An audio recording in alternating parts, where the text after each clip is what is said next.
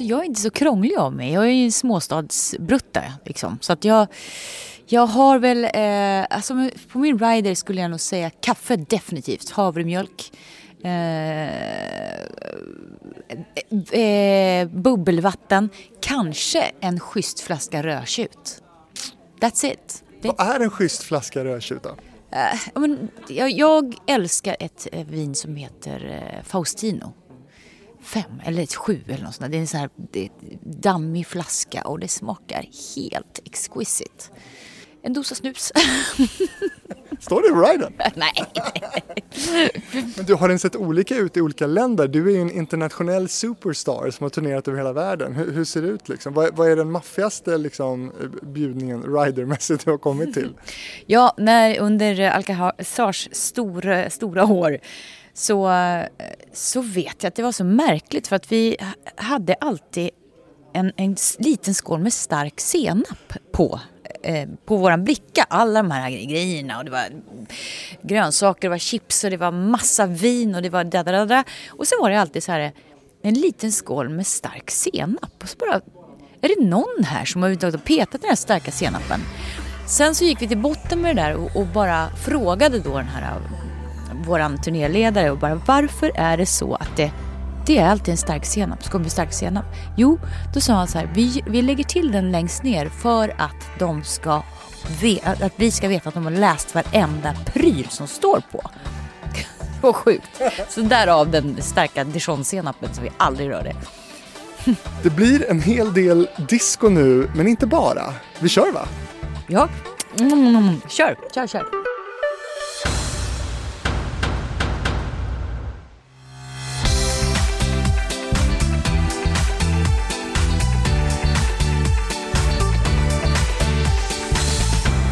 Tess Merkel, välkommen till Hitfabriken. Vi är igång, vad kul! Ja, kul, kul! Uh, och du, det här med hits, det har blivit några stycken. Och är du bra på att så här, spotta en hit? Ja, det kan jag nog säga att jag är. Efter över 20 år i, discopopbranschen så, är, uh, så är jag nog rätt bra på det faktiskt.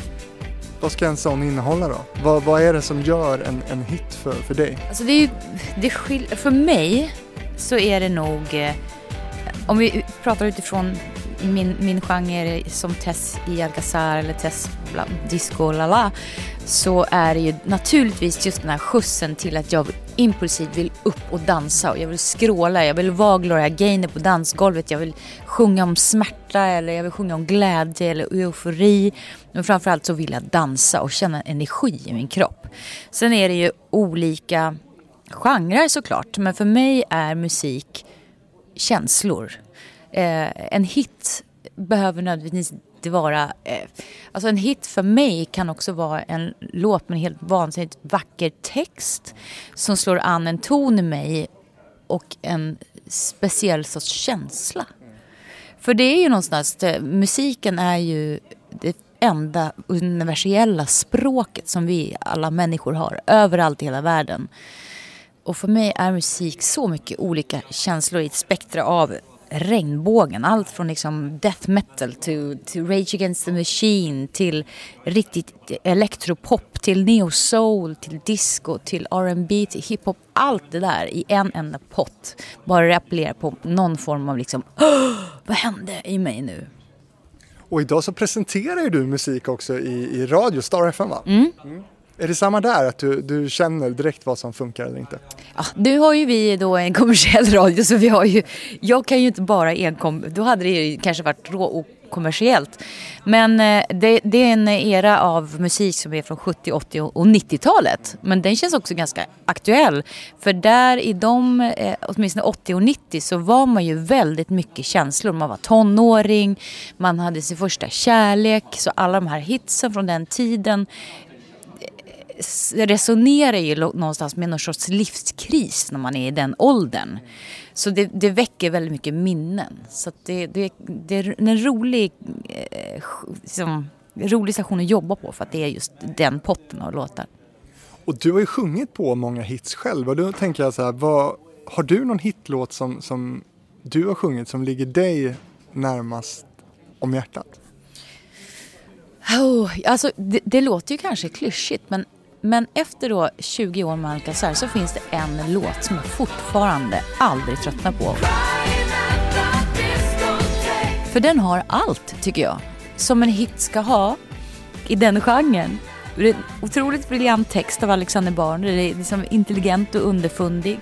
Den har ett popsound som eh, aldrig blir inaktuellt. Det känns inte dammigt med samplingen från Sp eh, Space och Sheila B. Devotion mixat med nytt. Eh, och det är en jäkligt skön danslåt. Och den är rak, tydlig, inga krusiduller, ingen lullull, pang bara. Kommer du ihåg till och med första känslan du fick när du hörde den första gången? Ja, det, det kommer jag ihåg. Och det är ju så sjukt länge sedan. Det är liksom... 20 år sedan? Ja, över 20 år sedan. Och det var en vintrig eh, decemberdag, kväll tror jag. Så vi skulle gå in och träffa Alexander som hade skrivit den här låten eh, till Andreas först och främst. Och han bara, nej, jag vill inte vara själv. Jag vill ha med mig eh, Tessa och Annika. Jag vill ha ett band, vilket var jättekul. Eh, så när vi hörde den där låten, eller först det började med att vi gick hem till Alexander Bard, för jag, vill inte, jag var inte helt övertygad om att jag ville bli Eh, en popstar liksom. Det var inte min grej, jag var inne med teater och höll på med sådana saker.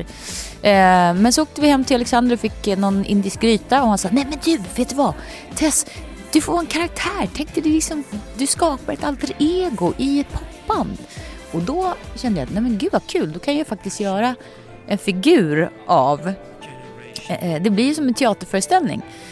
Så då så gick vi in och sjöng in den här låten och direkt kände man så här, alltså det här är ju så jävla kul. Och alla tre fick bara gå in och vara sina egna röster. Och så mixade de ihop det och sen tog det en jävligt lång tid innan den liksom slog ordentligt. Men, men den slog ju, den har ju varit listetta i Brasilien och på många ställen i hela världen och sålde runt en miljon exemplar. Mm. Ja, verkligen. Den, den blev stor till slut. Jävlar min låda. Det är ju en hit. Det är en hit.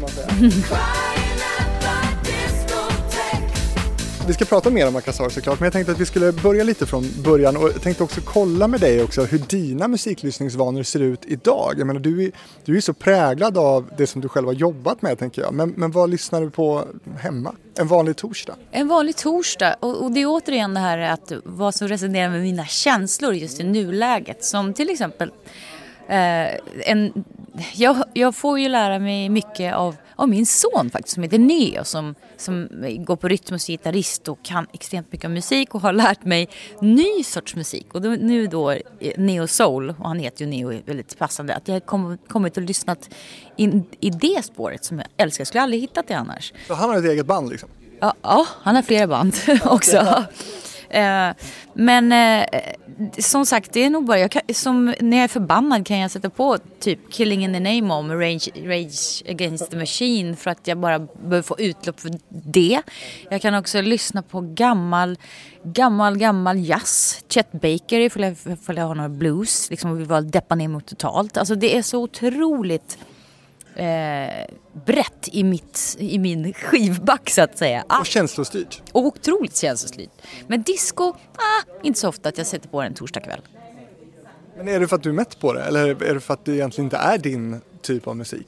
Jag tror att just eh, när, efter man har jobbat med det så mycket så är det, är det lite för enkelt för mig. Lite för, lite för platt liksom, jag lyssnar mycket hellre liksom på Parliament of Funk eller George Clinton eller riktig sån gammal funk än att sätta på Gloria Gaynor eller Diana Ross. För det har jag fått nog av. Det fanns ju en tid före då, disco och Alcazar och för de som inte vet det så, så var du ju liksom någon typ av, av musikalstjärna hemma i Nyköping. Du, du, du spelade musikaler. Ja, det stämmer.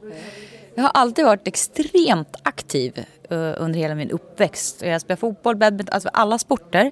Samtidigt som jag dansade ballett, spelade teater. Alltså jag har haft mina fingrar i alla pajer. Och varit sådär, men det vill jag prova, det vill jag prova, det vill jag prova. Och det är ju likadant med musiksmak. Det vill jag lyssna på, det måste jag kolla och det måste jag väl lära mig. Och det, det, det har alltid varit så. Ja. Men teaterskola är hela grejen. Alltså, liksom, är det någonting du liksom känner någon slags eh, behov av eller saknad av idag? Den här teaterapan i dig? Ja, det tror jag nog faktiskt. När du påminner mig så ja, jag har faktiskt saknat det lite grann. Uh, så det tror jag nog. Jag kan... Eller musikal? Ja, eller musikal. Men vet, jag, jag har ju aldrig i vuxet liv spelat i en klassisk musikal. Varför inte? Egentligen så avskyr jag ju musikal. nej men alltså jag, jag... Så får man inte säga har jag lärt mig. Nej, det får man inte. För det är så många, musikaler är så mycket olika. Mm, exakt så. Jag menar, hallå. Andreas Lundstedt tror jag har lärt mig det. Ja, ja, ja. Är det så? Det har han lärt sig. Nej men alltså jag avskyr inte musikal, det är inte så. Jag kan inte bara kategorisera. Men, men när, om man nu får um, kategorisera musikal och vara lite så dömande, alltså typ så här Chess, Les Misérables, alla de här. Jag skulle aldrig kunna tänka mig något värre än att gå åka till eh, och, vad heter det, i London och köpa en resa och kolla på till exempel Les Mis. Jag förstår inte grejer. Eller Cats. Uh! Sen finns det ju nu för tiden så otroligt mycket bra musikal också. Ett... West End tänkte du på? West End, så heter det, tack. Not Broadway, West End. Uh, så att jag, har nog, jag har nog mycket att se där i musikalsvängen. Och jag skulle älska att vara med i det. Jag kanske lär mig något nytt. För, för sen var du också bland de första som jobbade med Wallmans salonger när de öppnade på hösten 1750. Nej, 91! Ja, 1639! uh, ja, exakt så. Och där har ju, det har ju nämligen varit en, eller det har ju varit en plantskola för otroligt många artister som, som sen har gått vidare och sådär. Vad, vad, vad minns du från den där Wallmans-tiden där alldeles i starten? Uh, oj gud, jag var 20 år gammal och jag träffade Andreas för absolut första gången. För vi var i samma eh, auditionkull. Och jag som sagt kommer från en liten småstad och hade tagit tåget upp och in i den här eh, teatriga världen så låg det folk i liksom split spagat och sjöng upp och det var noter och det var liksom Stockholm, det var stort och alla var så coola och där kom lilla jag och alla var så förberedda och de frågade mig vad ska du göra? Och jag bara, du jag vet inte. Vadå vet inte? Har du inte förberett någonting? Nej, för jag ska improvisera. Det tyckte jag var en bra idé.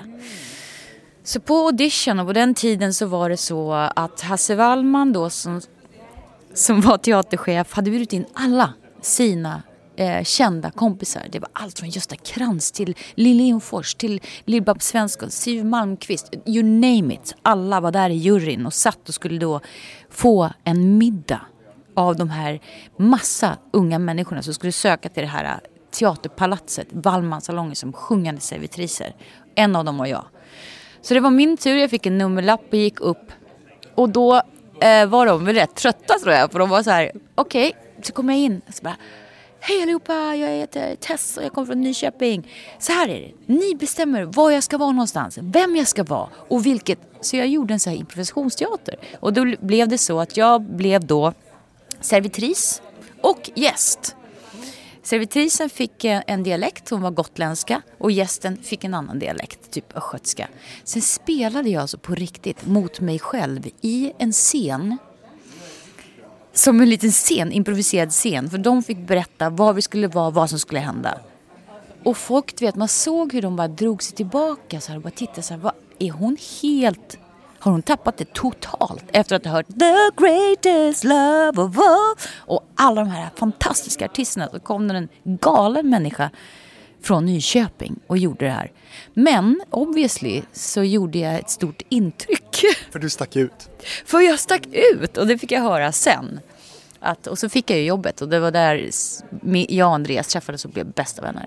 Större delen av de eh, aktiva musikerna och arrangörerna och artisterna idag har ju haft en, eh, ett liv inom Wallmans. Men det tråkiga är att, att det är någonting fult med det och det tycker jag är synd. Att det, det är inte kreddigt att vara på jobb, eh, liksom jobb, stå på scen på Wallmans eller Golden Hits.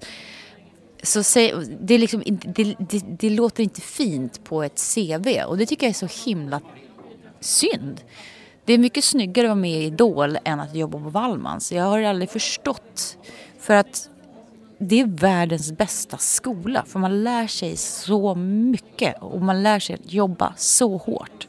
Verkligen hands-on med publiken också. Eh, men, men för sen går ju du vidare, sen börjar du köra bakom många kända artister, Jessica Folk bland annat och så. Mm. Det var ett naturligt steg antar jag då?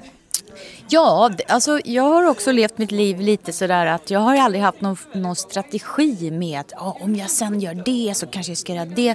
Utan jag har bara, har det kommit in någonting så jag bara, ja varför inte?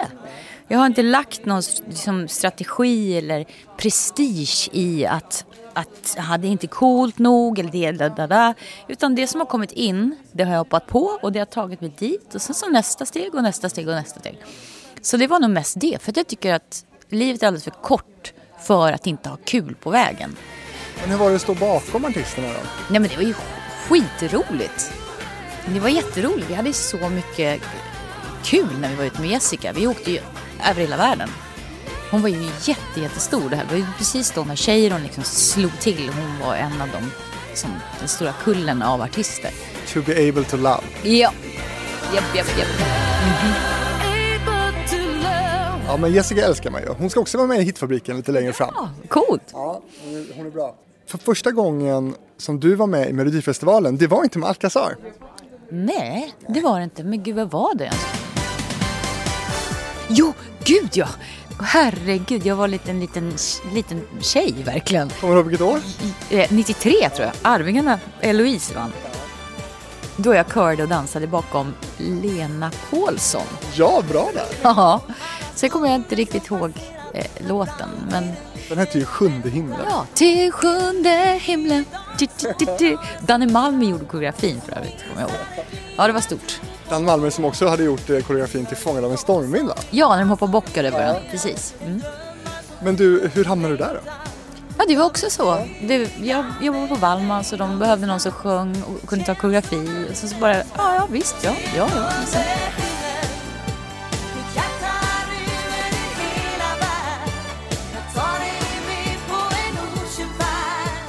Och 97 så körade du då bakom Andreas Lundstedt i Melodifestivalen. Ni känner ju då varandra sedan, sedan många år då, sedan bland annat eh, Wallmans. Kommer du ihåg vad den låten hette då? jag saknar dig va?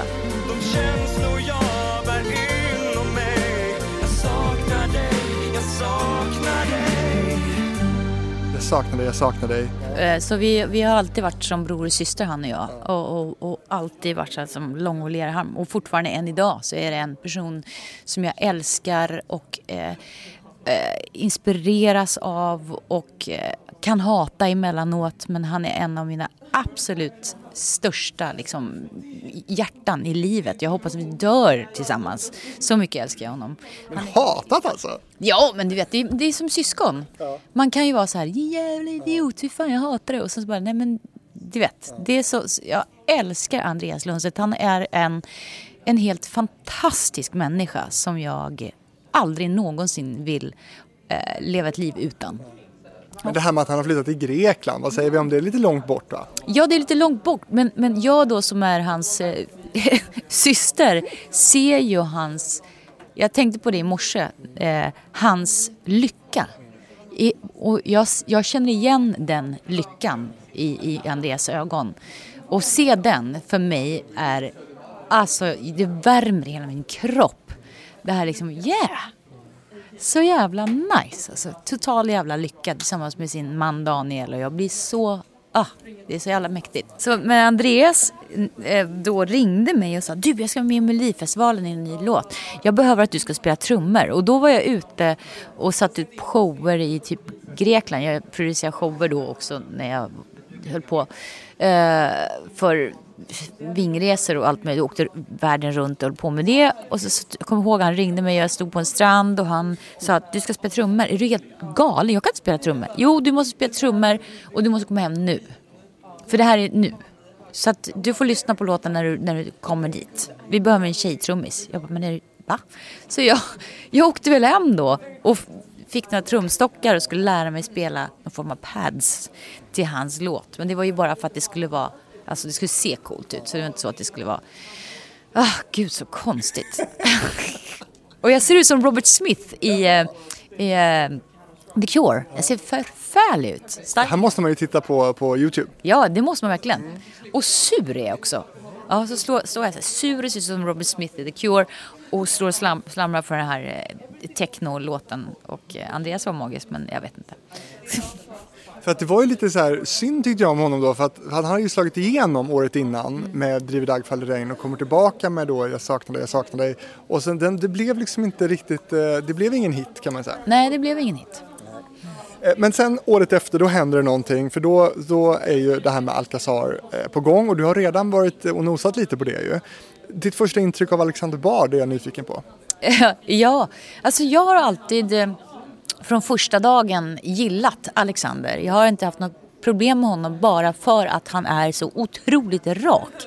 Han är inte, jag upplever inte honom som obräklig för att man får ett vad tycker du? Då tycker han så här. Och för mig är det ganska enkel och tydlig rak kommunikation, ett språk som jag förstår istället för att man ska liksom tassa på tå om någonting. Och sen så eh, är han, hans intelligens är beyond. Alltså hans hjärna, jag vet inte eh, vad som händer där. Eh, så att jag tycker att han är, har varit otroligt inspirerande eh, och har haft en stor, stor, extremt stor del i Alcazars framgång. Och så lagar han indisk mat. Och så lagar han indisk mat. Det är bra. Ja. Eh, Men sen då, fanns det något liksom vad var tanken? Kommer du ihåg någonting om liksom hur Alcazar som band skapades? Alltså filosofierna, tankarna bakom. Var det självklart från början att det här skulle vara ett, ett discoprojekt? Eller hur, hur var det från början? Nej, vårt första album, Casino, var extremt spretigt för de Alcazar-fans som finns där ute i världen. Det är allt från liksom, eh, Ritmo del Amor som är någon sorts salsa till eh, en eh, ballad till crying till någon... Alltså det är jättespretigt.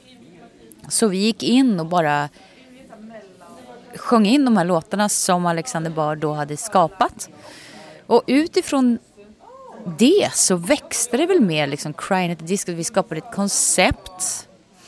Eh, så att, nej det var inte så här tydligt, nu ska vi sätta ihop en, en discoorkester. Det var absolut inte så. Utan det var mer att det skapades, eftersom vi då hade en fot i liksom showbranschen så blev det att vi ville göra Alcazar till det visuella. Att det är inte bara tre stycken personer som står i svart polo och sjunger låtar utan vi ville göra eh, någonting mer med det.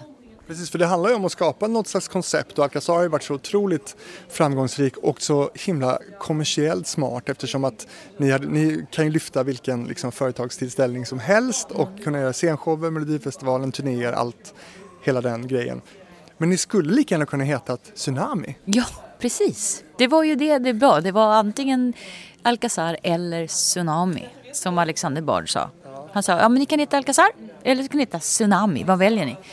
Det var ingen som visste då vad det hette. Nej, nej, nej, nej. Så det var ju tur att vi valde Alcazar. Och så skapade vi faktiskt där eh, konceptet runt namnet Alcazar för det betyder ju, eh, Alcazar är ju en del i, i eh, Spanien med slott och vi Casa del Alcazar. Vi skapade en, en plats där folk fick fly in. Och det var där det började på något sätt. The World of Alcazar, The Casa del Alcazar. Och det var jag, Andreas och Annika och vi var tre olika eh, karaktärer. Och vi välkomnade folk in i våran World of Alcazar. Och att det blev ni tre då från början, vad, vad, fanns det även andra eh, runt omkring er som det skulle kunna ha blivit eller hur, hur blev det liksom just ni? Nej, det blev vi för vi var vänner just precis då i livet. Och vi hade precis, jag och Andreas hade precis träffat Annika faktiskt. Och bara tyckte hon var så jävla eh, out of this world. Hon, är, hon, är, hon såg ut som Jessica Rabbit. Extremt du vet, sårbar men tuff. Och, hennes personlighet är verkligen appealing. Och, eh, och, och hon höll också på med show och var en bra sångerska. Då, vid det läget så jobbade Annika med E-Type. Så när Andreas och jag skulle ringa till Annika och fråga så tänkte jag hon kommer ju inte vilja vara med i vårt band för hon är ute med E-Type och körar. Det är ju svincoolt. Det är stort! Ja. Men Annika sa ja och vi jublade och sen så var vi igång. Och förutom då eh, Crying at the Discotheque så släppte ni ju även andra eh, framgångsrika singlar som Shine till exempel. Men sen 2001 då släpps ju Sexual Guarantee. Var det liksom nästa stora hit? Ja, det blev ju en uppföljare därifrån från Crying och den gick bra i Europa och även i Australien åkte vi dit vid den, vid den tidpunkten och gjorde Mardi Gras där. Eh, Ja, ja, och just det. Du får nästan berätta där, alltså, Australien, Mardi Gras, alltså, det, det, det är inga små spelningar. Nej, Det, var, det var väldigt kul att få åka över till Australien och bli, de frågade ifall vi ville vara med och då på den här extremt stora, ja, men man kan säga Pride i Sydney, Australia. Och vi gjorde en promotion i tio dagar där och fick spela så mycket vi kunde under de här tio dagarna. Och där spelade vi bland annat, kom ihåg, bland annat spelade vi hela tiden, men recovery party där de är uppe hela natten. Så gig var liksom klockan åtta på morgonen. Då stod man i full make och alla hade varit uppe hela natten. Och vi kom och spelade då. Väldigt drogfria evenemang ja, det här. Ja, ja, absolut helt drogfritt. Ja, ja, ja, ja, absolut. Men märker ni också av då redan tid, det här är ju tämligen tidigt i er, er karriär med Alcazar, alltså att det här är internationellt gångbart. Hur, hur mycket hade ni siktet inställt internationellt? Vi hade ju som sagt nog... Eh, var, det var nog bara också... Alcazar har också varit väldigt eh, styrt av hjärta och magkänsla. Heller inte liksom någon strategisk plan på att det här ska vi erövra, det här ska vi liksom sälja, det här ska vi... För vi hade, vi var tre personer, vi hade... Vi hade, det var låten, det var crying, det var inget skivbolag som, som eh, sålde aktivt utomlands utan när Crying släpptes så var det på den tiden när Napster då kom så den spreds. Så eh, den blev stor i Tyskland. Nej, den var, det, var, det var italienarna som plockade upp Crying at the Discotheque. Eh, och där nere var ju alla och firade semester så det blev liksom den stora sommarhitten just det året. Sen plockade de alla med sig låten vart de än kom ifrån till sitt land och den fortsatte få en, en sväng till. Men ärligt talat i Sverige så var det ingen som höjde på ögonbrynen när den spelade den för radiostationer här hemma. Det var bara så nej, no, next. Den fick aldrig någon chans. Och även vårt skivbolag under den perioden var så här, ja, ja, ja, Alcazar, whatever. Men en dag eh, efter den här då legat topp bla bla bla i Tyskland, vi har börjat sälja så över en en halv miljon liksom singlar så börjar folk bara, vänta nu, va? Är det här? Det här är ju våran akt. Och då kommer jag ihåg att vi, vi hade aldrig gett upp. Vi jobbade, jobbade, jobbade hårt. Vi åkte, jag kommer ihåg första gången vi fick flyga över till Finland istället för att åka båt och sådana saker. Vi gav aldrig upp. Vi var fast beslutna om vi, vi ska, vi ska, fan vi ska fixa det här. Vi ska jobba så hårt så att alla vet vilka som är Alcazar. Eh, sen kom vi tillbaka till skivbolaget en gång. Och det var champagne och det var konfetti. Det var ryggdunk, det var handskak och vi fattade ingenting. Annat ljud i skällan kan man säga. Ja, och plötsligt hade alla vaknat och varit så här, de som hade sagt att äh, det här kommer inte bli någonting var så här Alltså jag sa ju det från början, det är det jag alltid har sagt, det kommer gå så jävla bra för, för er. Och vi var något? Nej, stämmer inte. Men, Falskheten i branschen. Falskheten. Men vi hade ju också, vi har, vi har haft sån tur, eller eh, har varit meningen, med fina, bra, genuint bra människor på hjärtat med bra magkänsla. En av de personerna heter Mikael Hagerman som jobbade på BMG och var vår A&R. Utan honom så hade vi aldrig kunnat hålla kvar i vår entusiasm. För han stöttade, han fanns alltid där och han har alltid funnits där. Så Mikael Hageman eh, är en av våra nyckelpersoner till framgången, skulle jag säga. Kul att höra det här. Du, de här turnéerna, världsturnéerna över hela världen till olika kontinenter och sådär. Vad, vad, vad har du för, för minnen därifrån de här? Jag menar det, det, det låter ju härligt men det är ju också ett, ett ganska slitigt jobb. Det har varit otroligt slitigt. Otroligt. Vi har jobbat så sjukt jävla, ursäkta, hårt i 20 års tid. Eh, så att, och jag har... Och ser så fräsch ut. Ja, men gud, tack så mycket. och jag har så otroligt fina minnen. Eh, men när, när det då small till utomlands så fick jag också min, min, mitt första barn 2003 och då var det bestämt då Mikael Hagman bland annat och BMG eh, sa att nu jävlar, nu slår vi utomlands och precis i det skedet så blev jag gravid då när Magnus kom med 2003. Och jag satt med det där och vågade inte säga till någon. Vad skulle jag göra? Jag skulle ju fucka upp för alla. Skivbolag som har satsat pengar, mina bandkollegor som hade liksom allt. Och här kommer jag och bara säga, äh, nu ska jag ha barn. Så att jag var förskräckt. Samtidigt som jag var glad, men jag, jag kunde inte berätta. Men jag tog mig modet och satte mig med, med Andreas och sa att, vet du, så här är läget. Jag är gravid. Och så satt jag så här och höll andan och tänkte att nej, nu kommer han säga du får inte vara med längre. Men så sa han, men hallå, det är precis som Agneta Fältskog och ABBA. jag bara, åh, allting bara föll ner. Det är klart att det kommer att ordna sig. Och där och då så kände jag så här, ja det är klart det kommer. Världen stannar inte bara för att jag ska ha barn. Jag fixar det här. Och Alcazar fick en längre tid i aktiv tid än vad ABBA fick. Exakt! Och min son fick åka världen runt som ett spädbarn. Men under hans första levnadsår 2003 så hade vi uppåt, jag tror att vår gamla ma- manager visade mig det analoga schemat som vi hade och det var ungefär 225 spelningar det året när han föddes. Så att det var inte så mycket mammaledigt där inte. Men hur fan fixar du det? Ja, jag vet faktiskt inte. Jag vet inte. Jag tror att det var någon sorts eh, autopilot och eh, tunnelseende. För just när eh, man blir mamma för första gången och eh, där det här spädbarn och panik så... Så... Alltså, jag vet inte. Jag bara, jag bara körde på. Men klarar du det också då, för du, du nämner ju här att det är ju ett tufft liv och ni slet hårt och sådär. Klarar du dig från de här destruktiva sakerna som turnélivet ibland kan innehålla med droger, alkohol, sådana saker som, som inte känns bra liksom? Ja, det gjorde jag ju för att jag hade ju inte tid med det. Jag är ju tvungen att gå upp på hotellrummet och amma och ha ett barn att ta hand om samtidigt som jag skulle gigga mitt på natten och, och få ihop logistiken. Så att det är klart att jag, jag är inte, det har inte ens liksom varit aktuellt för mig att ens gå dit. Vad tycker sonen om mammas musik då?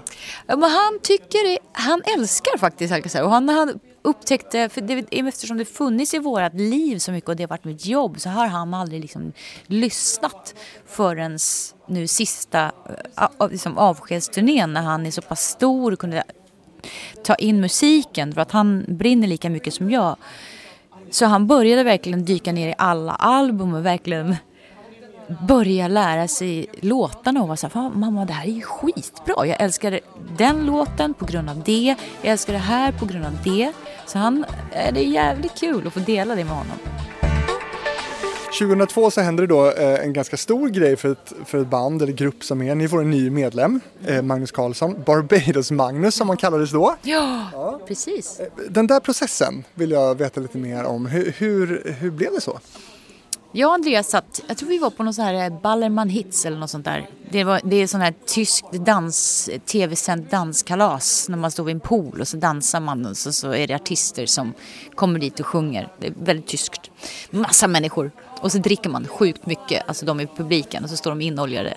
Eh, så att jag tror att det var någon sorts gig och på kvällen åkte jag och Andreas in till Palma och det jag minns var att han sa att han var tillsammans med eh, Magnus då och han sa att, alltså vad tror du om, om Magnus skulle bli en fjärde medlem?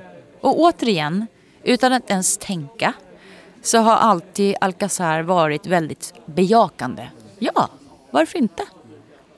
Kommer det upp något? Ja, varför inte?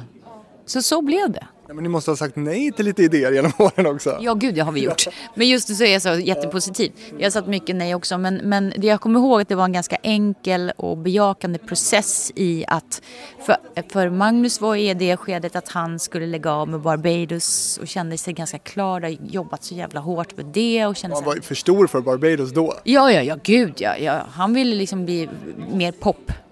Och då var ju det här väldigt lägligt för honom att hoppa på. Och det gjorde också att det blev lite så här äh, ABBA-status på det svenska bandet. Och Alcazar. Och, och på den tiden, jag säger på den tiden för att nu har vi kommit tack och lov så mycket eh, längre i det att, men på den tiden att två stycken eh, eh, eh, killar var ihop i ett band och frontade var någonting som verkligen var så här, what? Och de är öppet homosexuella och de har ett band tillsammans med två stycken tjejer. Det var, det var en ganska viktig grej. Och det var en ganska viktig grej för Alcazar och vad vi står för och alltid har gjort. Och det blev en, en sån eh, utveckling inom hbtq och allt det att, att vi kunde vara de som, som stod för att det är okej. Okay. Och Magnus hade ju kommit ut bara något år innan och sådär, vilket ju blev en stor uppmärksamhet kring. Men, men, eh, och det första ni gjorde med Magnus var väl just en ABBA-tribut? Ja, då gjorde vi det. Då blev det att vi, vi det var en jättestor ABBA-tribute och vi, kungafamiljen var där. Globen va? Ja, Globen. Och vi eh, tog med Magnus och vi sa aldrig någonting utan det blev en som en surprise och vi gjorde som en presentation, det här är nya Alcazar i samband med det. Och det blev ju otroligt fint eh, mottaget.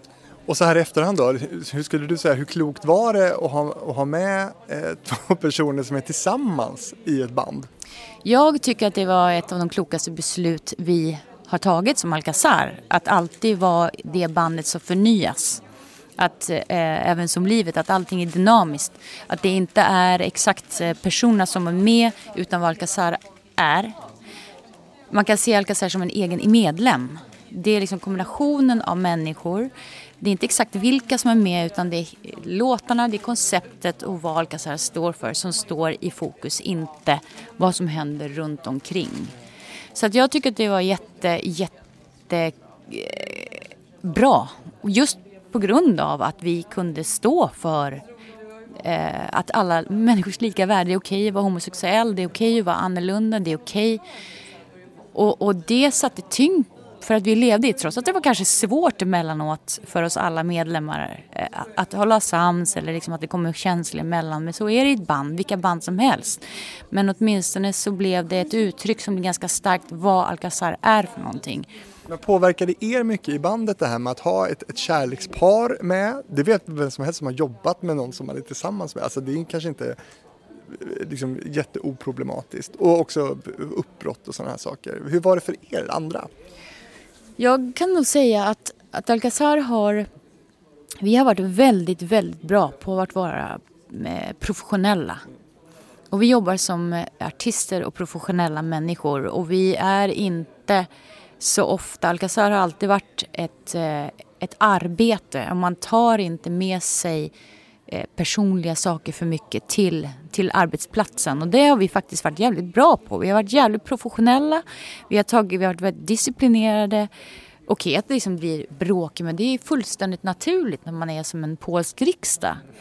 Det är inget konstigt. Men, eh, Vad har du haft för roll i de här diskussionerna eller bråken som du säger? Ja, uh, jag, jag tror att jag har, jag har nog varit en person som är ganska bra på att medla, att förstå, att eh, zooma ut lite, att inte eh, ta saker för personligt. Att se eh, eh till Alcazars bästa snarare än individernas bästa. Så det tror jag är min styrka. Och sen, eh, alltså jag stressar inte upp mig för saker. Eh, som inte verkligen, verkligen betyder någonting. Och i den här branschen som vi lever så är det jävligt mycket bullshit. Och det orkar jag inte med. Jag klarar inte av egon. Och man jobbar... Då har du väl valt fel bransch ändå? Ja, men, men jag tror att anledningen till att Alcazar har levt i 20 år är att, att man får lära sig att man måste kliva bort ifrån sitt ego att man handlar utifrån Alcazars bästa, inte vilka som är med. För då, eh, då kommer Alcazars kraft inte bestå. Och jag tror att det är liksom viktigt. Vi är ett team och Alcazar är i fokus. Inte du och dina behov. Inte du och dina behov och du behöver det. Och det tror jag är Alcazars styrka och att vi har funnits så länge och kunnat arbeta och haft så jävla kul ihop i de här 20 åren.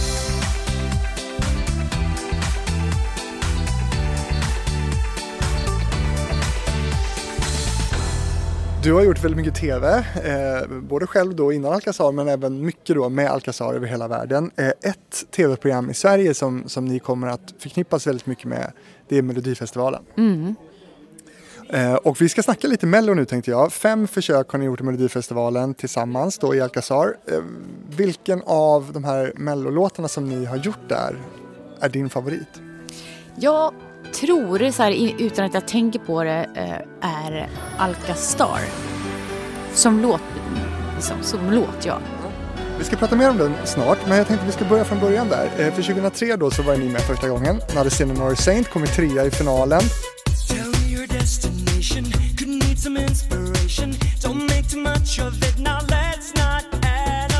Var, var det där också ett självklart eh, steg för er att, att eh, tävla i Melodifestivalen med er musik?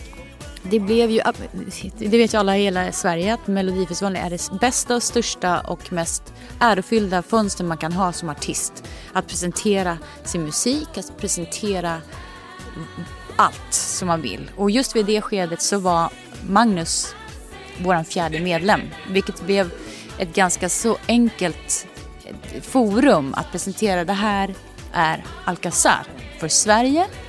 För vi har ju varit ute och jobbat i Europa. Det var ingen som visste vilka Alcazar var då. Utan vi hade varit jobbat, jag, Andreas och Annika, jobbat häcken av oss med Crying, Sexual Guarantee och allting. Men när Magnus kom med så blev eh, Alcazar svenskt. Alltså det blev folkligare. Det blev inte det här urban elektro svåra bandet. Utan det blev, hej här är vi och vi är med i Melodifestivalen. Det här är ett svenskt band. Så här ser vi ut och det här är vår musik. Och Sarah Dawn Finer sjöng på demon, var det den som ni hörde också? Ja, det stämmer.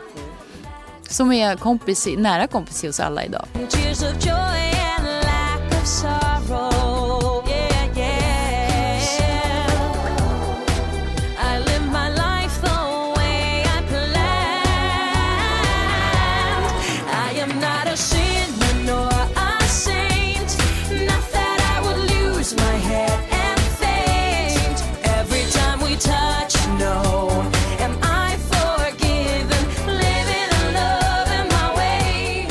Hade det gått bättre för er i Eurovision, tror du, än för Fame som kom femma där?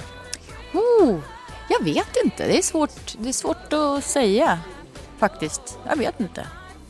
Men det kändes ju som en, en, en superlåt och blev en stor hit för er. Var, varför blev den så stor tror du? Jag tror att eh, det var en... Anders Hansson återigen är också en stor länk i Alcazars eh, musikhistoria. Eh, Vår producent som tillsammans med Alexander Bard var ett jävla bra team till att hitta ett, ett, då ett väldigt fint eh, udda disco-pop-sound som kändes uppdaterat. Som passade oss väldigt bra. Han är väldigt bra på att hitta soundet för Alcazar. För Alcazar har alltid varit mycket vokaler. Vi har alltid gjort mycket stämmor och vi har jobbat extremt mycket studier vokalt för att få fram ett sound. Inte vet, sticka iväg med stolen om, nej men sticka under stolen med att, att med inspiration från ABBA att lägga täta stämmer och att allting så. Så jag tror att det är en kombination av en bra produktion och då koreografi som alltid varit en stor nyckel i Alcazars eh, presentation. När vi hade med hjälp av PM- Andersson gjort den här eh, hooken som alla kunde dansa till. Man, när man hör låten så, det är som att höra Macarena. Det var så vi tänkte. Att vi vill att folk ska komma ihåg, alla ska kunna stå upp och göra just den där moven. Och det funkat i alla tider. Alla som hör Sinner Saint börjar Sinner och snurrar runt liksom. Jävla bra slut på låten. Ja, alltid en bra slutpås. Viktigt. 2003 så händer det också mycket eh, för Alcazar för att då kommer ju albumet Alcazarized eh, och det börjar hända saker också skrivet tillsammans med Bard och Orup också. Johan Kinde var med på det också. De skrev eh, två låtar, ja. Och Pet Shop Boys. Och Pet Shop Boys.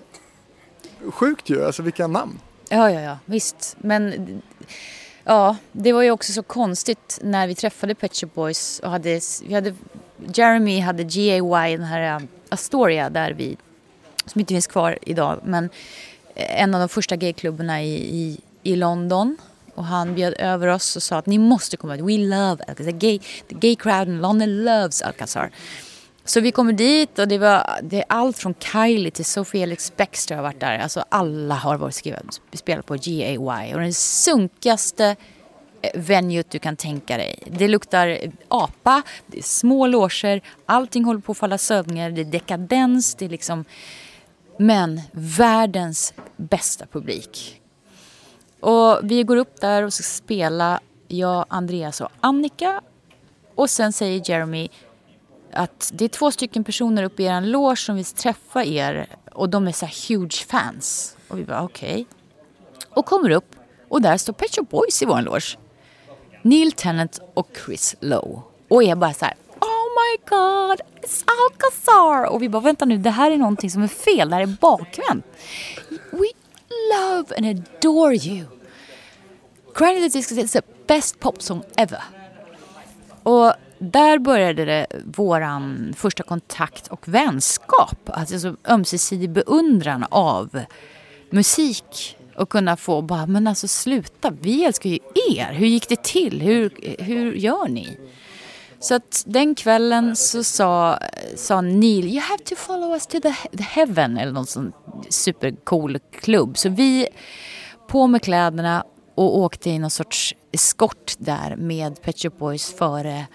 Och hela liksom havet av dansgolv och kö bara delar sig när Neil Tennant och Chris Lowe kommer med sina som securities. Och då tre stycken små svenska popsnören i haserna som är så här med storögda och bara vad händer?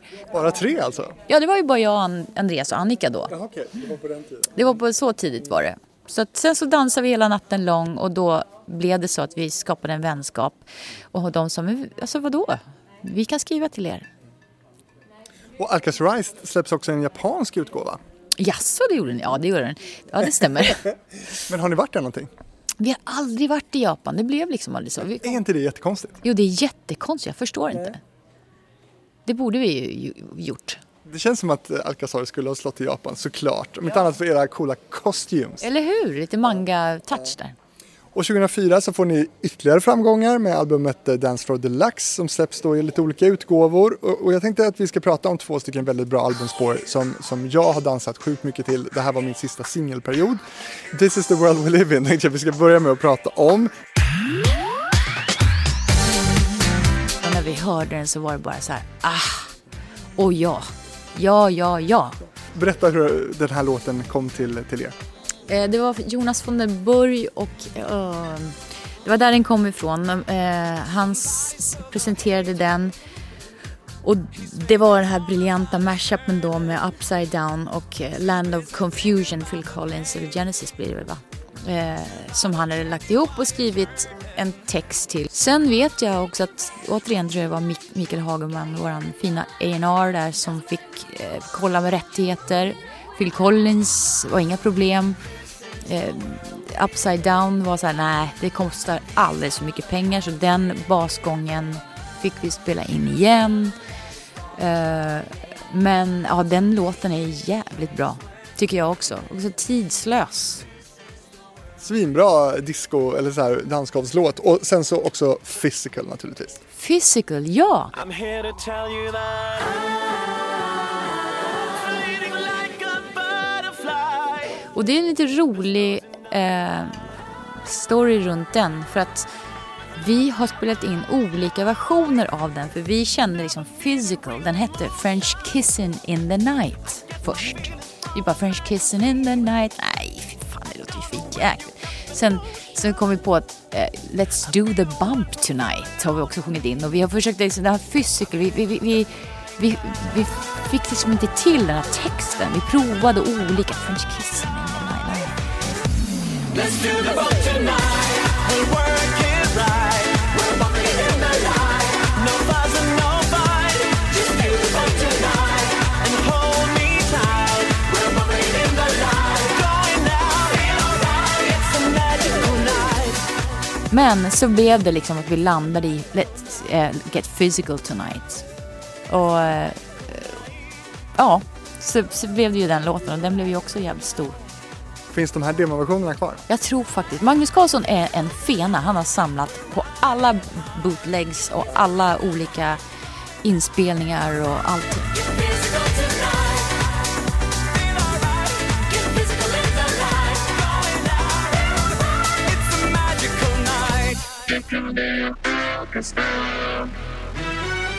Och två år efter Narasene Nor Saint, då uppträdde ni med Alcastar i Melodifestivalen. Det var 2005 alltså. Då kändes det som att ni ville ha lite revansch förmodar jag. Ni kom trea.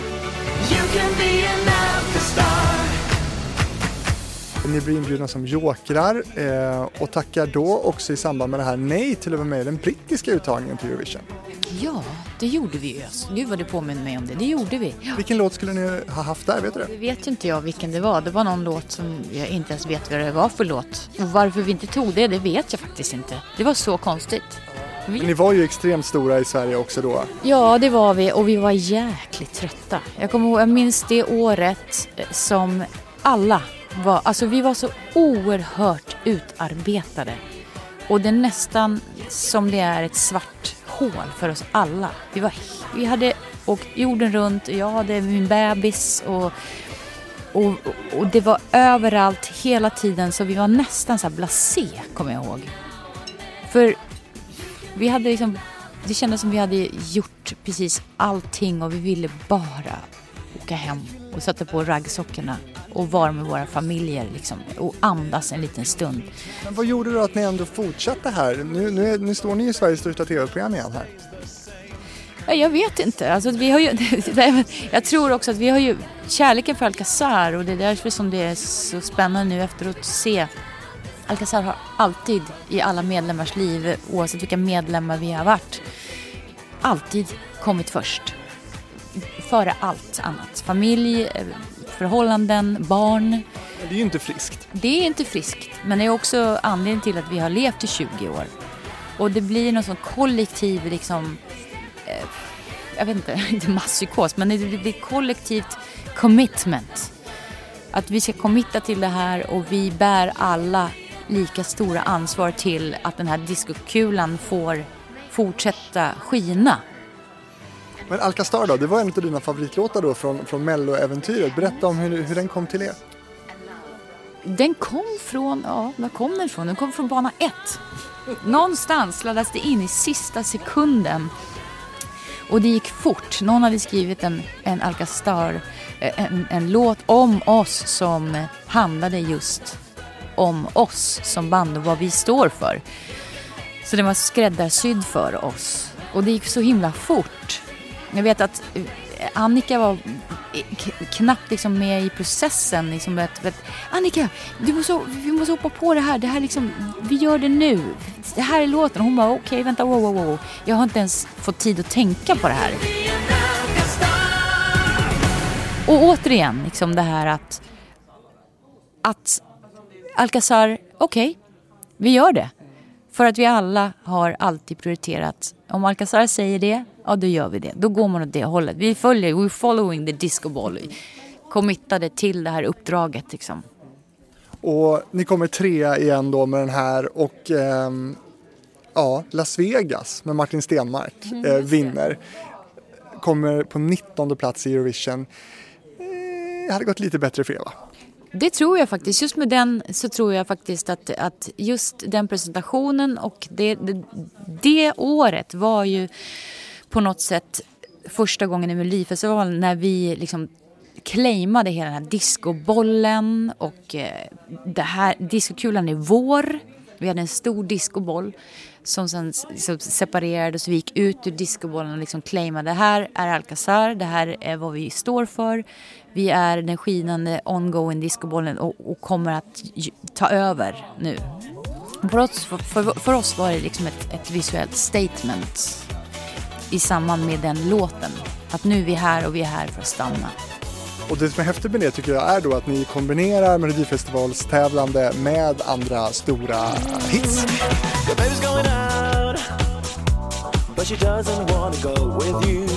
Den här låten kommer i den här vevan från er. Eh, också en underbar låt ju.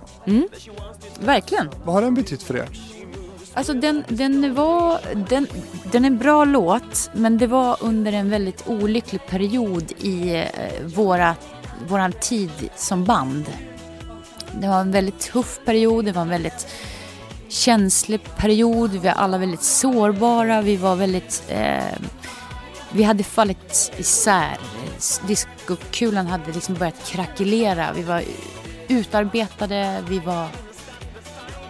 Vi hade ingen lust, vi hade ingen ork. Det bara gick på. Vi såg aldrig något slut. Vi hade var uppbokningar i spelningar liksom år framöver. Och det är första gången som, som våran discoboll börjar liksom skaka ordentligt utav helsike. Och vi slits liksom mellan våra familjer, våra liksom... Och det, det blir en spricka i bandet. Och vi, Andreas och Magnus bryter upp. Och, och, och, och Annika, jätteolycksaligt, eh, bryter foten under en videoinspelning. Och vi förstår inte hur illa det är. Eh, och hon åker till sjukhuset och vi är fullt upptagna med att fortfarande eh, committa till Alcazar och den brinnande bis- discobollen och vårt jobb. Så vi på något sätt lämnar liksom alla de här... Ja, vi, är, vi är så avtrubbade så att vi inte... Vi har, vi har, eller jag kan bara prata för mig själv. Att man är så uppe i det här så att jag inte ens kan komma till min s- vett och sans och sätta mig in i Annikas situation, hur det känns att liksom skada sig på det sättet och ingen liksom riktigt så här förstår vikten av vad som skedde. Utan vi bara, discobollen bara rullade på. Och det, för mig så är det en, en tagg i mitt hjärta av saker som jag har lärt mig. Det, det var jävligt, ursäkta ordet, fittigt beteende och, och själviskt. Och, och det, där tror jag att, att mitt hjärta eh, har... liksom, Jag, jag har liksom mått dåligt över det. Nu är vi alla sams, men liksom, jag tycker det var en jävla dålig stil faktiskt.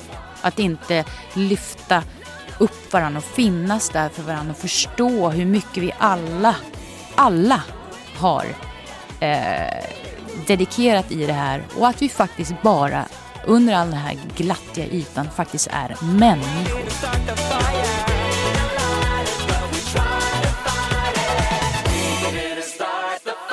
Jag sa ju det, det var ju inte friskt. Nej. Ja, vi blev robotar till slut. Vi tappade liksom att vi fortfarande var människor och vi var vänner från början. Liksom. Men det, är precis, du satt ju precis nyss här och berättade om 2005 och, och Alcastar och att ni skulle befästa den här discobollen. Och, ni, det, det var, och sen bara ett par månader efteråt då, den andra halvan av 2005, då tar ni en paus på obestämd tid. Eh, Andreas tävlar för Schweiz i Eurovision, eh, var med i Melodifestivalen 2007 och gör musikal. Magnus gör också soloprojekt och är med i Mello 2006-2007. Du samarbetar med The Poodles. Ja, just det. Jag tog fram någon så här hårdrocks... eh, Jag fick ett samtal från The Poodles och började sjunga in metal-sånger. Men framförallt så försökte jag ta hand om mina barn och jag fick eh, min dotter och, och det blev eh, eh en sån tid till att slicka sår för min del. Att skrapa upp allting och var är jag någonstans. Så att, och Annika tar ledigt och, och sen så, så har ni ett uppehåll och förenas igen 2007 på klubben JY. Mm. Återigen Jeremy, där, där det började liksom. Ni hittade hem lite där eller? Vi hittade hem lite. Han ringde och frågade, ska, ska ni inte återförena Alcazar? Och eh, då så sa väl jag och Andreas att ja, det är klart att vi ska åka till GY. Och då eh, sa Andreas, men jag tror att jag har, jag har personen för, för uppdraget. Hon heter Lina Hedlund. För det hade Peter Jöback rekommenderat. För ni, precis, ni har tappat två medlemmar här och, och nu ska ni då eh, ha in en till. Och Peter Jöback kommer tipsa. Ja, verkligen. De hade jobbat ihop i en musikal så det blev ju verkligen superbra. Och så släpptes ju också året efter 2008 We Keep On Rockin'. Ja, We Keep On Rock. Ja, det blev vår första, första singel med Lina.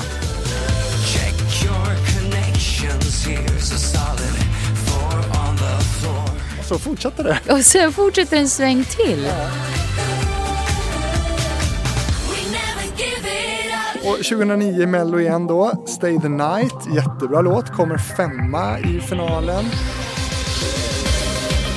Men också då om man vill vara lite negativ, eh, er sämsta placering dittills. Ja. Ja. Låten blev ju jäkligt stor men det var en dålig placering om man jämför med Alcazars tidigare. Liksom.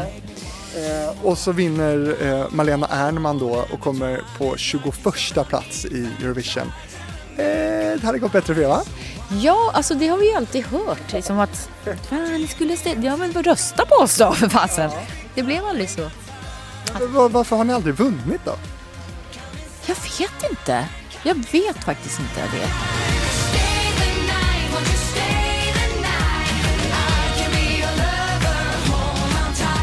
Ni ger inte upp 2010, året efter Say the Night. Då kommer ni tillbaka med headlines som inte ens tar sig till final. Nej men snälla, det var ju också det här eh, dåligt beslut.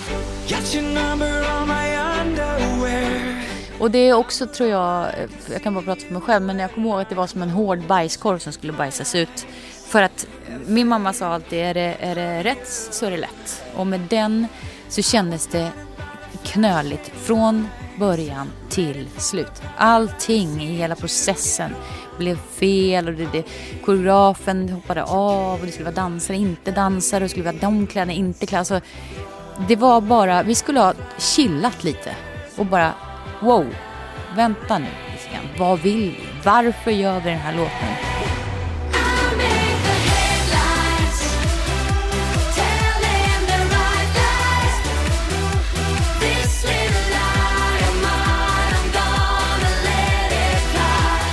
Vad, what's the point? Är den verkligen så bra? Men det var återigen den här hungern på att fortsätta och inte heller kanske där insett liksom värdet i vad Alcazar har presterat fram till nu. Vi behöver inte hålla på och jaga grejer. Det här är vårt CV.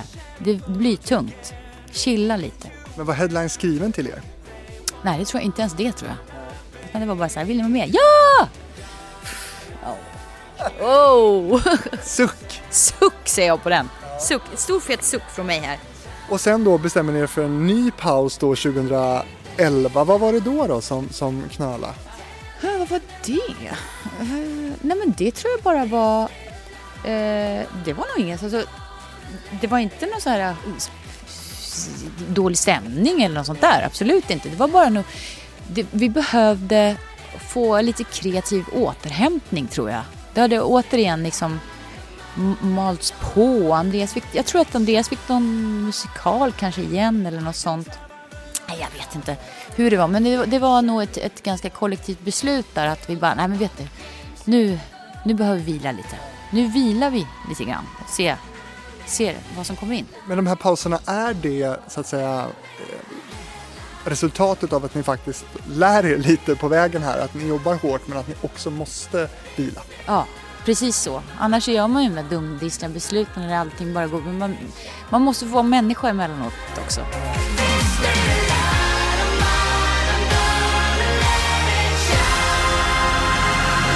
Och 2013 på banan igen och 2014 Mello igen. Ja, gud ja.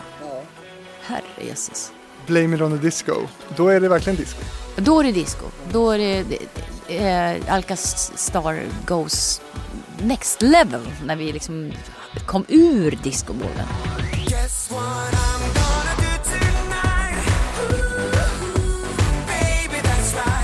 Den måste ju vara skriven till er. Den skrev Fredrik Kempe till oss. Eh, Och då kom ni trea igen då. Ja. Och det var ett roligt år. Det var ett väldigt kul år. Det var Men ingen bajskolv. det var ingen bajskorv som satt åt. Det var, liksom, det var lättjobbat och det var kul. Var en rolig process. Och det är klart att det alltid är mycket, mycket, mycket extremt mycket jobb för tre minuter. Men det, det, det är så det är. Kan ni vinna Melodifestivalen skulle du säga efter så här många försök som ni har gjort? Mm, nej, nu kan vi inte göra det. Nej. Nej. Finns Alcazar? Nej.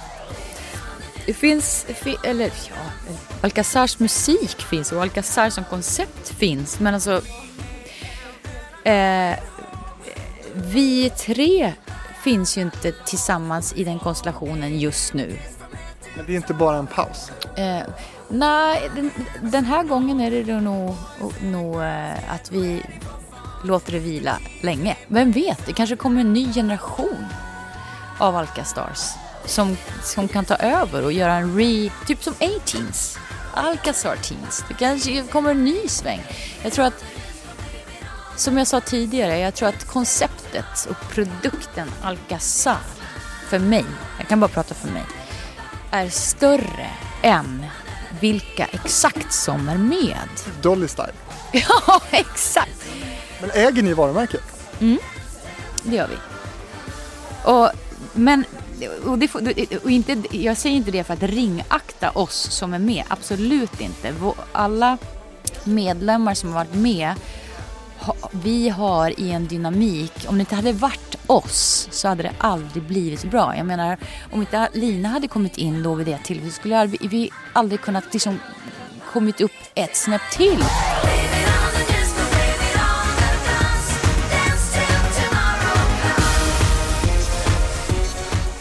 Det ryktades ju om att ni var sugna på Mello även 2018 då, eh, men att det inte blev så. Var det med In the name of love då? Ja, precis. Och återigen, när man tänker efter så det var också under en, en liten kaot, mer kaotisk period med Al- i Alcazar. När Alcazar är ju som bäst när vi alla är, om man kan, vara tuned in. När vi alla har liksom samma fokus samma mål och man känner att ah, det här går lätt, smooth, we're going with the flow. Det var lite så här jinxigt även, även där. Känner man liksom i energin så. Kanske inte riktigt, den låten var kanske inte så Alcazar-anpassad heller för Alcazar i Mello.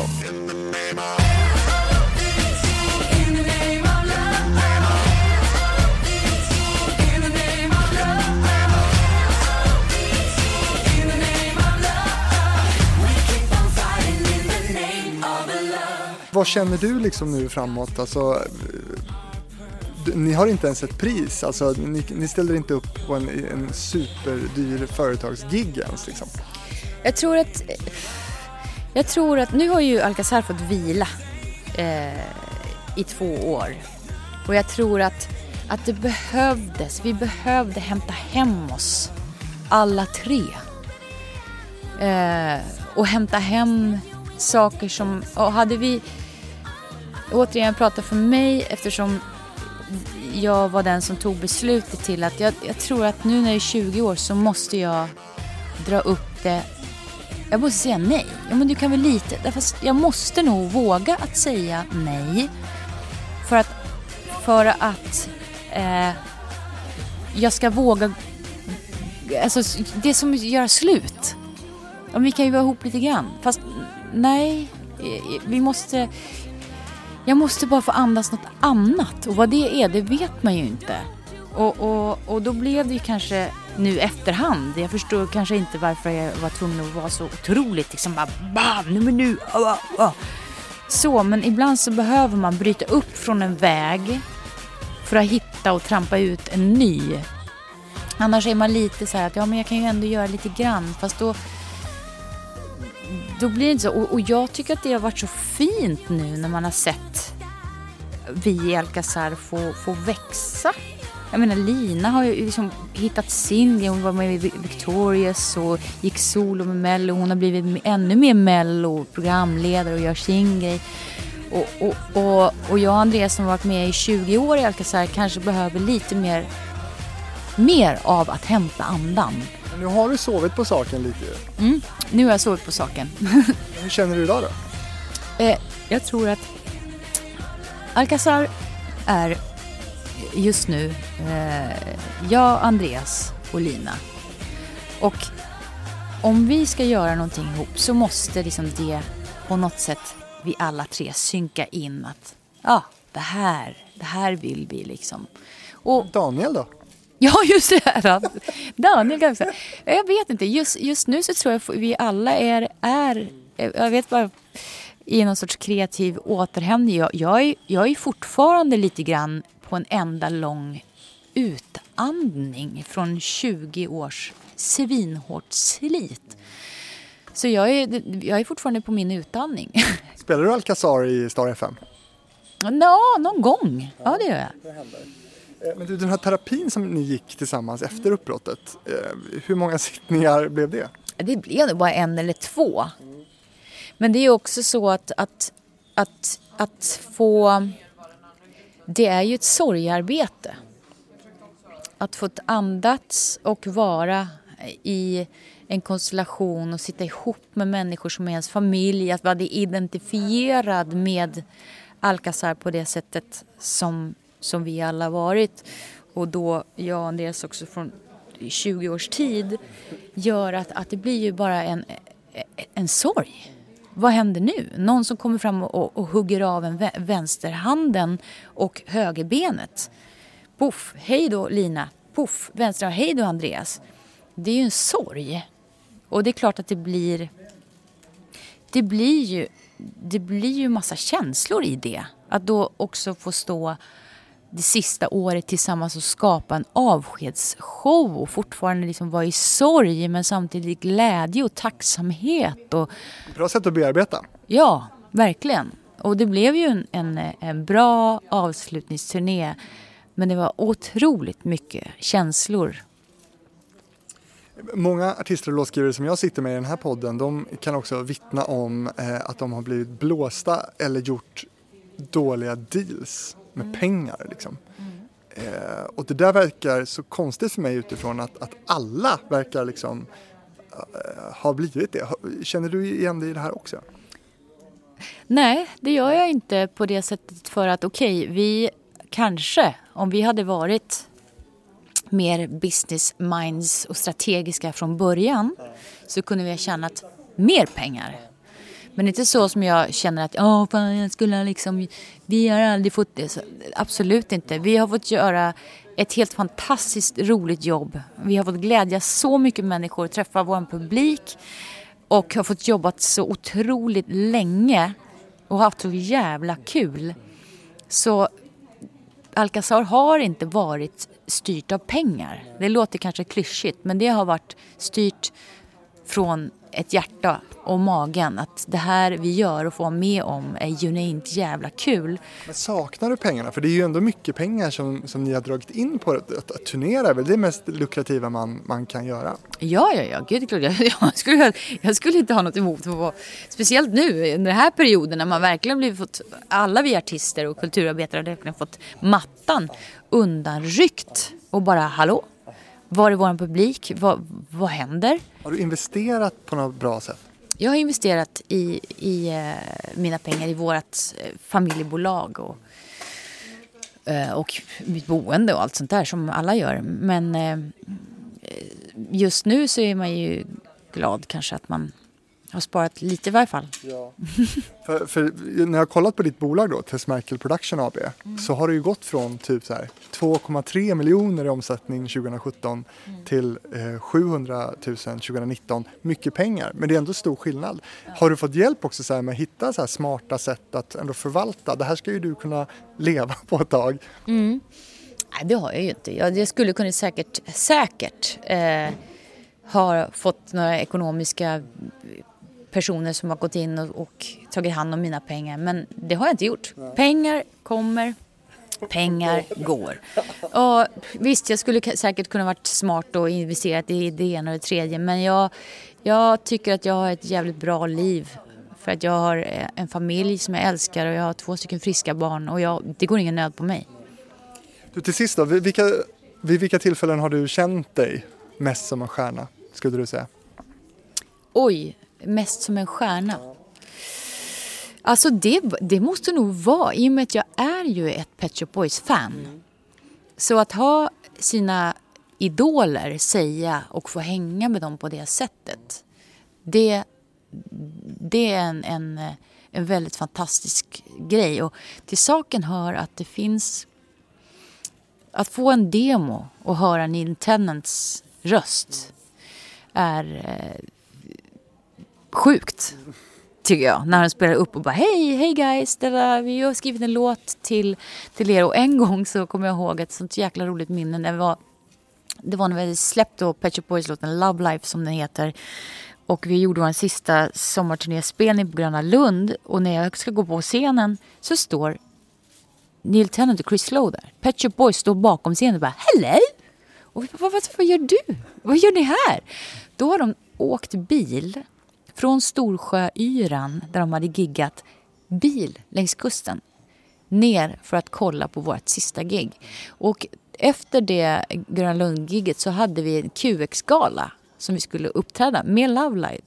Så att vad folk inte vet det är att vi smugglade in Pet Shop Boys som satt uppe i ett hörn på hyllan när QX-galan då var på Tyrol. Och så såg vi dem två sitta och vinka. Det var ingen som visste att de var där. Du, för en timme sedan när vi började den här intervjun då pratade vi om, om eh, era stora hits och du nämnde då Crying at the Discotheque som en av dina favoriter av dem. Eh, vilken låt skulle du säga gör dig lyckligast att sjunga när du står där på, på scenen?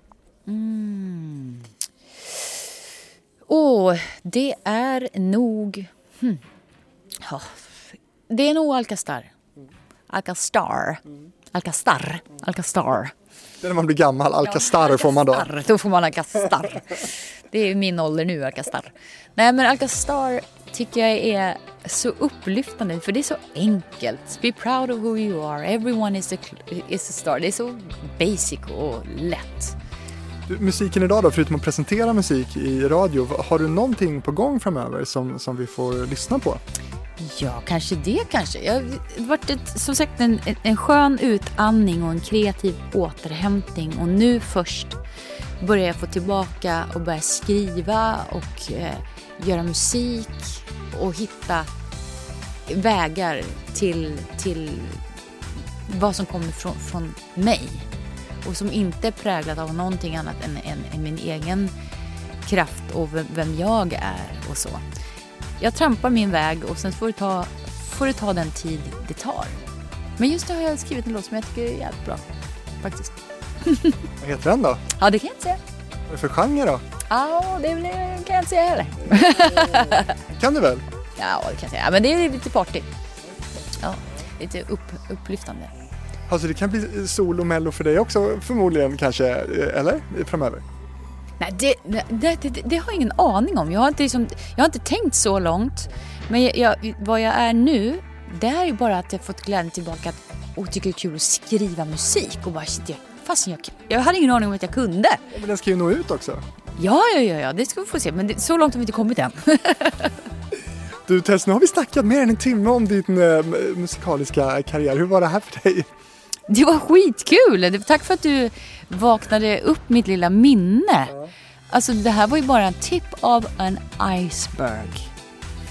Så att det finns ju verkligen, vi kan göra en hel säsong av eh, Alcazar-minnen. Det, det, det, öppnar, det är lite lucköppning även för mig här.